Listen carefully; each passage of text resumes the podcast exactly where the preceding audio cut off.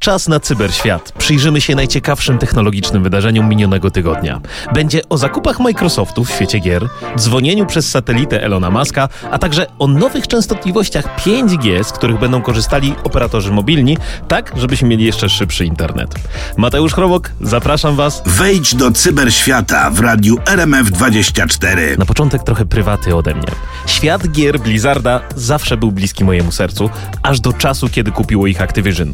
A w tym tygodniu Microsoft wyłożył niebagatelne 69 miliardów dolarów, żeby przejąć właśnie tego giganta branży gier, czyli Activision Blizzard.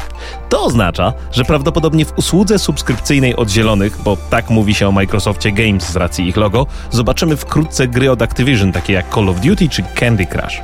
Prezes dywizji Microsoftu, pan Spencer, w przeszłości zainicjował przejęcie takich perełek jak Minecraft czy też Doom i tutaj ponownie pokazał, że ma niezłego nosa do interesów. I chociaż cała transakcja musiała przebrnąć przez liczne zawiłości regulacyjne i trwała niemal 21 miesięcy, to jednak pokazuje, że Microsoft stawia na gaming jak nigdy wcześniej. Mimo, że gry wciąż generują tylko mały fragmencik przychodów filmy, to jednak ten segment notuje ciągły wzrost. Ciekawe, co teraz zrobi Sony. Ja coś czuję, że oni jednak pójdą na zakupy.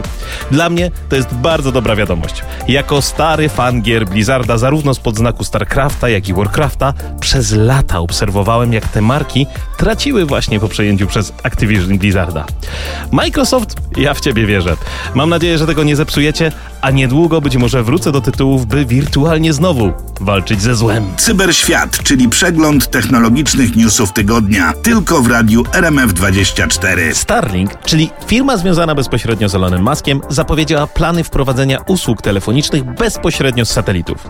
I tak na pierwszy rzut oka nie wygląda to na jakąś nowość, no bo telefony satelitarne już istnieją i są wykorzystywane do komunikacji na przykład na oceanach czy też na pustyniach. Zazwyczaj te satelity są na orbicie geostacjonarnej, czyli jakieś 36 tysięcy kilometrów nad nami. Satelity Starlinka są znacznie bliżej, bo już tylko na wysokości 550 kilometrów. I właśnie dzięki tej bliskości, a także dzięki temu, że tych satelit jest po prostu coraz więcej, będzie można skorzystać ich usług na zwykłych smartfonach za pomocą technologii LTE.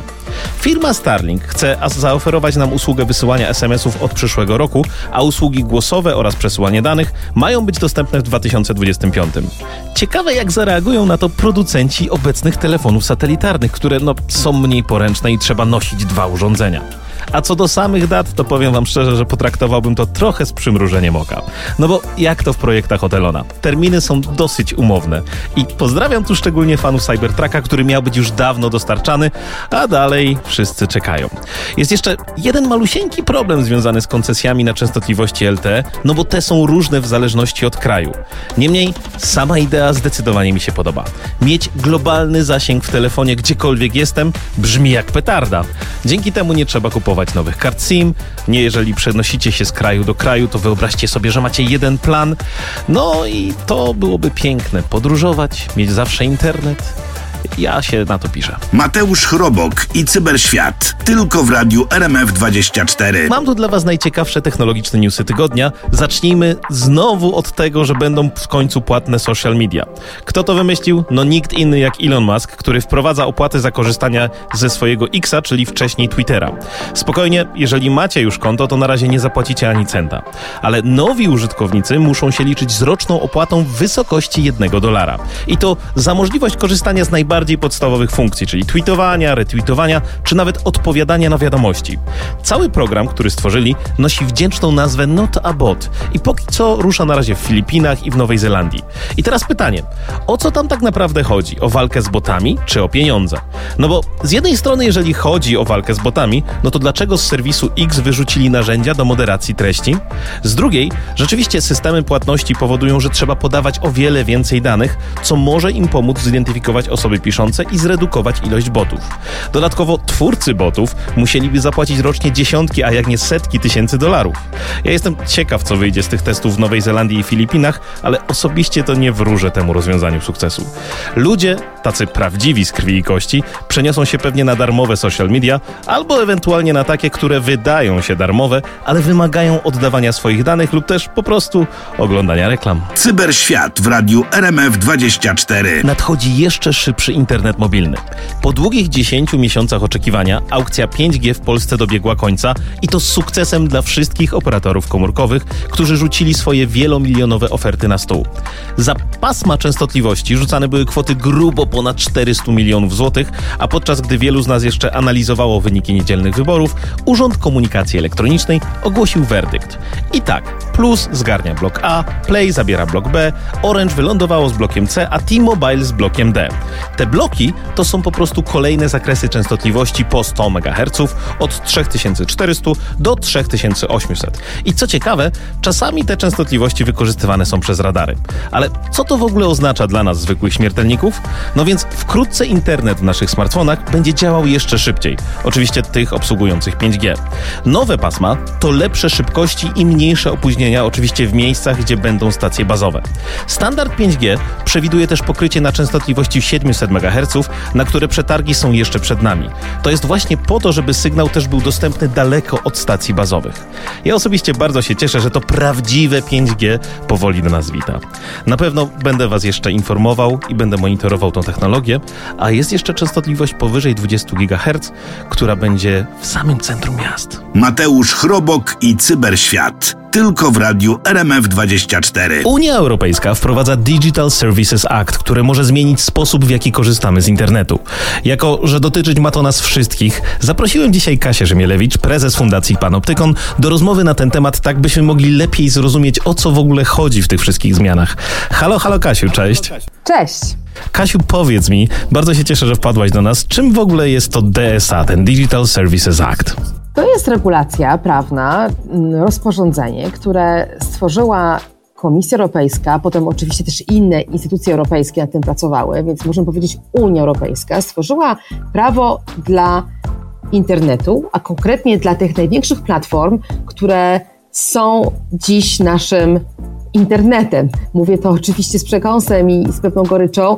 Chcielibyśmy, żeby było inaczej. Chcielibyśmy, żeby internet oznaczał przestrzeń e, wolności, przestrzeń, w której możemy budować własne światy, ale tak się zadziało przez ostatnie dwie dekady, że największą władzę nad tym, jak informacja płynie, co do nas dociera, co my możemy wysłać innym, jak kupujemy, e, jak korzystamy z rozmaitych innych usług, o tym decydują największe platformy tak zwane wlopy. To jest pojęcie, które mhm. wprowadza ta regulacja. My też w Panoptykonie je oswajamy. Mamy taką stronę, na którą zachęcam y, vlop.me, me, gdzie trochę rozpakowujemy ten termin w taki przewrotny sposób, naszą mhm. własną kampanią mm, prowokacyjną y, i informującą o tych zmianach. Więc długo można by mówić o tym, co tam jest. To jest konstytucja dla usług cyfrowych. To oznacza nowe obowiązki i dla małych, i dla dużych, ale przede wszystkim dla dużych. I znajdziemy tam próbę rozwiązania problemów, które nabrzmiały przez te dwie dekady. Od mhm. tego, jak moderowana jest treść, kto może kogo zablokować, co może zrobić osoba zablokowana. Tu wejdzie taki proces niezależny od samych platform, żeby było trochę przejrzyściej e, i mam nadzieję uczciwiej. E, wchodzą reguły ochrony konsumentów na platformach zakupowych, bo kupujemy coraz więcej. Są tam problemy, więc na nie też próbuje reagować Unia Europejska. Kasiu, Mamy kawałki. Mhm. Kasiu, bo ja bym tak odwinął ten kawałek, bo nie wszyscy jeszcze wiedzą, co to są wlopy. Ja bym tak powiedział, że z wlopów to korzystacie na co dzień, czyli wszystkie Facebooki, Twittery i tak dalej, to są very large online platforms i właśnie one mają być tutaj regulowane, tak, żeby, żeby wszyscy, którzy nas słuchają, skumali, że to będzie naprawdę też ich dotyczyć. Mhm, jasne.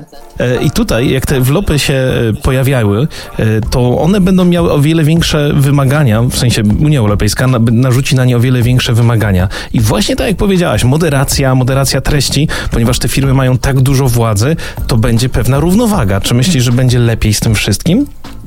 Na to liczymy. Oczywiście z każdym prawem jest tak, że ono jest tyle warte, ile warta jest jego egzekucja, którą mhm. zajmą się i sama Komisja Europejska, i nowo powstające organy krajowe, których w Polsce jeszcze nie mamy. Ale najważniejszą rolę odegra tutaj sama Komisja Europejska. I jest kilka rzeczy w tym nowym prawie, które obiecują nowe podejście do regulacji, nie takie stare, sztywne, w którym jest obowiązek albo zakaz. Na przykład, e, drogie, wielkie platformy, nie wolno Wam manipulować m, tym, jak klikamy w sieci za pomocą dobrze znanych technik manipulacyjnych zwanych w branży dark patterns. To jest coś, co każdy projektujący usługi zna, że są triki, którymi można wprowadzić człowieka w konkretną ścieżkę decyzyjną, żeby na przykład zaakceptował cookiesy, albo dał nam więcej danych, albo właśnie kliknął tak, a nie kliknął nie, mimo że być może miałby ochotę zrobić to drugie. E, takie rzeczy w internecie nie powinny być, bo one są zakazywane również innymi regulacjami, ale jakoś tak się składa, że cały czas są, prawda? I pod wpływem wpisania tego zakazu po raz kolejny nie musimy od razu zobaczyć zmiany. Zmiana bierze się z tego, jak każde prawo jest egzekwowane, jakimi karami, jakimi środkami, jak ten dialog e, między regulatorem, w tym momencie europejskim, a takimi wielkimi firmami jak e, właśnie Google, Meta, e, TikTok będzie wyglądać. To są gigantyczne procesy polityczne, gigantyczne pieniądze. Zmiana nie będzie, myślę, błyskawiczna, ale będzie i to już widać, że te wielkie firmy zaczęły przestawiać swoje usługi na ten nowy paradygmat, w którym większą nam dają mm, przejrzystość, więcej mówią o tym, co robią, dają nam nowe kontrolki, z których możemy, możemy je testować na razie, zobaczyć, jak to dla nas działa.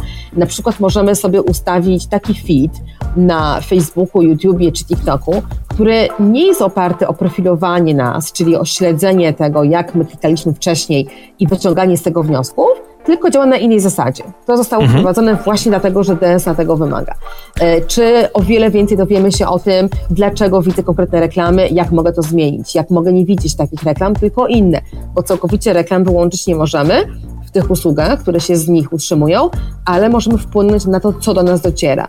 To brzmi jak bardzo dużo bardzo pozytywnych zmian dla zwykłych użytkowników. Możliwość wyłączenia feedu. Będzie lepiej można rozumieć, jak te platformy w ogóle działają, więc to jest bardzo takie jednoznacznie pozytywnie na razie, co powiedziałaś. Czy widzisz w ogóle jakieś zagrożenia w tym wprowadzanym prawie? Widzę takie zagrożenie, że ono będzie obchodzone, będzie źle interpretowane przez te największe firmy w takich kawałkach, których naprawdę je zaboli, czyli tam, gdzie to kosztuje pieniądze.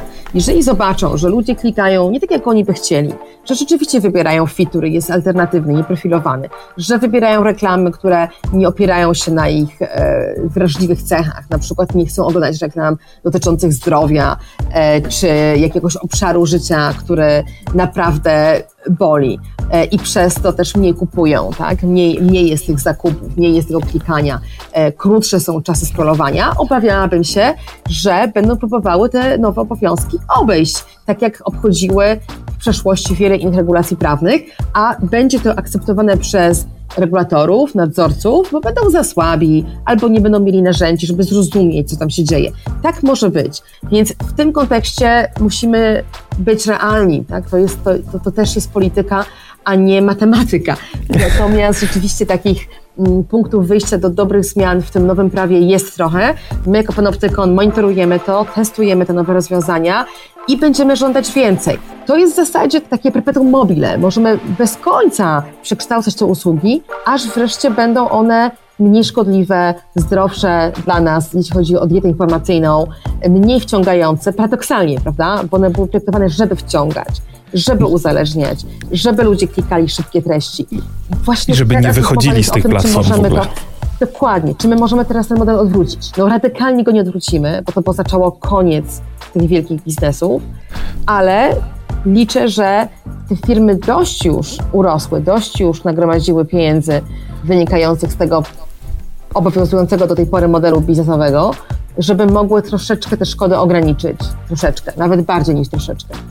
To brzmi wszystko, jakby DSA w ogóle miało bardzo pozytywny wpływ na nas. Kasiu, ja bardzo Ci dziękuję za to, co w ogóle robicie razem z Fundacją Panoptykon i bardzo dziękuję Ci za to wyjaśnienie, bo myślę, że daje to nam bardzo dużo nowych środków po to, żeby właśnie wpływać na te platformy. Także dziękuję Ci ślicznie, że wytłumaczyłaś nam dzisiaj, czym jest DSA i jak je rozumiesz. Myślę, że będziemy jeszcze do tego wracać, bo to na pewno będzie wpływało, wszystkie wlopy, które też można znaleźć u Was, jak działają, to będzie wpływało na to, jak my działamy w internecie. Także dzięki Ci jeszcze raz i do zobaczenia. Do usłyszenia. Mateusz Chrobok i Cyberświat. Tylko w radiu RMF24. Chiński gigant technologiczny Baidu rzucił rękawicę OpenAI. CEO Baidu, miliarder Robin Lee, pochwalił się nową wersją swojego AI chatbota o nazwie Ernie 4.0. Ciekawe, czy te 4 w nazwie to takie specjalne nawiązanie do popularnego GPT-4. W każdym razie, pan Lee zaprezentował, jak Ernie generuje reklamy samochodów w kilka minut, czy nawet tworzy fabułę dla powieści o sztukach walki. Ale to nie wszystko. O ile GPT-4 generuje teksty, to Ernie podobno potrafi generować różne rodzaje odpowiedzi, takie audio, wideo, no więc staje się multimodalny. Niestety pracuje głównie w języku mandaryńskim, chociaż podobno po angielsku też sobie radzi. Czy jest to moment przełomowy dla Chin w dziedzinie komercyjnej sztucznej inteligencji? Eksperci są raczej ostrożnie optymistyczni, natomiast od dawna czekaliśmy na rozwiązania z państwa środka. Co ciekawe, akcje Baidu spadły o 1,4% po prezentacji tego, co stworzyli. Jednak to nie jest jedyna duża firma technologiczna w Chinach robiąca sztuczną inteligencję. Alibaba i SenseTime też mają swoje chatboty i pewnie niedługo też o nich usłyszymy. Od ogłoszenia Ernie bot zdobył już 45 milionów użytkowników, bijąc na głowę konkurencję. Za miesiąc zobaczymy, czy twór Baidu zdoła przegonić popularne GPT-4, który zgromadził aż 100 milionów użytkowników w zaledwie dwa miesiące i powiem wam, jeżeli patrzy się na to z perspektywy produktowej, to był to produkt, to znaczy GPT-4 od OpenAI, który przyciągnął najwięcej użytkowników w jak najkrótszym czasie. Także cóż, Ciągle są rekordy do pobicia. Nowe technologiczne rozwiązania stają się coraz lepsze, coraz większe. Czy to będą Chińczycy, czy inne firmy? Najistotniejsze jest jednak to, żeby technologia rozwiązywała nasze rzeczywiste problemy. I mam nadzieję, że tak będzie też tym razem. Cyberświat w radiu RMF24. Amazon, znany wszystkim gigant e-commerce, zapowiada ekspansję swojego programu dostaw dronami Primer do Włoch i do Zjednoczonego Królestwa. Podobno też do tej listy dołączy jakieś miasto w Stanach Zjednoczonych, ale na razie nie powiedzieli jakie. O ile dowożenie książek w 30 minut nie powoduje u mnie jakichś specjalnych emocji, to już dowiezienie pizzy w mniej niż 30 minut przez drona brzmi bardzo pozytywnie. Dla kontekstu historycznego Primer to jest usługa Amazona, która miała zadebiutować w 2013 roku, ale napotkała na różne przeszkody, takie jak restrykcje FAA, czyli amerykańskiego Federal Aviation Administration, czy też problemy z usługą podczas kiepskiej pogody. Obecnie drony latają tylko w dwóch lokalizacjach w USA i to w bardzo ograniczonych warunkach. Amazon na szczęście się nie poddaje. Minister awiacji Zjednoczonego Królestwa Baronessa Vir mówi, że to krok w stronę zrozumienia, jak bezpiecznie i efektywnie korzystać z nowych technologii. Co więcej, te nowe drony MK-30 będą mogły latać dwa razy dalej i też w trudniejszych warunkach pogodowych. Od tej pory deszcz nie powinien być problemem, a tego jak wiadomo na wyspach nie brakuje. Czy drony zastąpią dostawców na skuterach? No, czas pokaże. Być może na niebie będzie trochę bardziej tłoczno, a ptaki drapieżne będą teraz atakować drony przewożące pizzę, żeby tylko nieco podjeść. Z drugiej strony, zdesperowani ludzie, którzy słyszą wieczorem Tato, potrzebuję na jutro do szkoły to albo to, być może zostaną uratowani. Cóż, technologia w służbie człowieka. Cyberświat w radiu RMF24. Słuchacie programu Cyberświat w radiu RMF24. Czy tak jak ja macie już dość haseł? Na szczęście znikają one z naszego życia coraz szybciej, a prawdopodobnie zastąpią je passkeys. Passkeys, czyli klucze dostępu, od teraz będą domyślną opcją w waszych osobistych kontach Google'a. Dzięki passkeyom wystarczy wasz odcisk palca, skan twarzy albo kod PIN, żeby zalogować się do usługi. Wedle szacunków jest to szybsze o 40% i co więcej, odporniejsze na próby wyłudzenia danych, gdzie ktoś próbuje podstępem wyciągnąć od was hasło albo ewentualnie podgląda z ramienia, jak je wpisujecie. Nie oznacza to jednak, że hasła przestaną od razu istnieć, ale jest to świetny krok, żeby ludzie zaczęli od nich odchodzić w kierunku innych rozwiązań. Gmail na szczęście nie jest jedynym miejscem, które wspiera Passkeys. Podobnie robią to Microsoft, Nintendo, TikTok, Uber i pewnie jeszcze wiele innych. Nawet WhatsApp niedługo dołączy do tego klubu. To jest już czas, żeby w końcu zapomnieć o tych zawyłych kombinacjach liter i cyfr. Ja korzystam z Passkeys w wielu miejscach i wprowadzam je do firm, z którymi współpracuję. To nie tylko poprawia bezpieczeństwo, ale też wydajność. Informacje o tym, kto wspiera Passkeys znajdziecie na przykład na stronie passkeys.directory, ale możecie to też znaleźć dowolnie swojej ulubionej wyszukiwarce. Zachęcam Was do tego, żebyście powiedzieli papa hasłom. Dość już zapisywania na karteczkach, mamy coraz lepsze metody, by być bezpiecznym. I to już wszystko na dziś w cyberświecie. Mateusz Chrobok, dziękuję za Waszą uwagę i do usłyszenia już za tydzień. Jeżeli nie słyszeliście poprzednich odcinków, zachęcam Was do wejścia na aplikację RMF On albo do znalezienia na stronie RMF24 właśnie Cyberświata.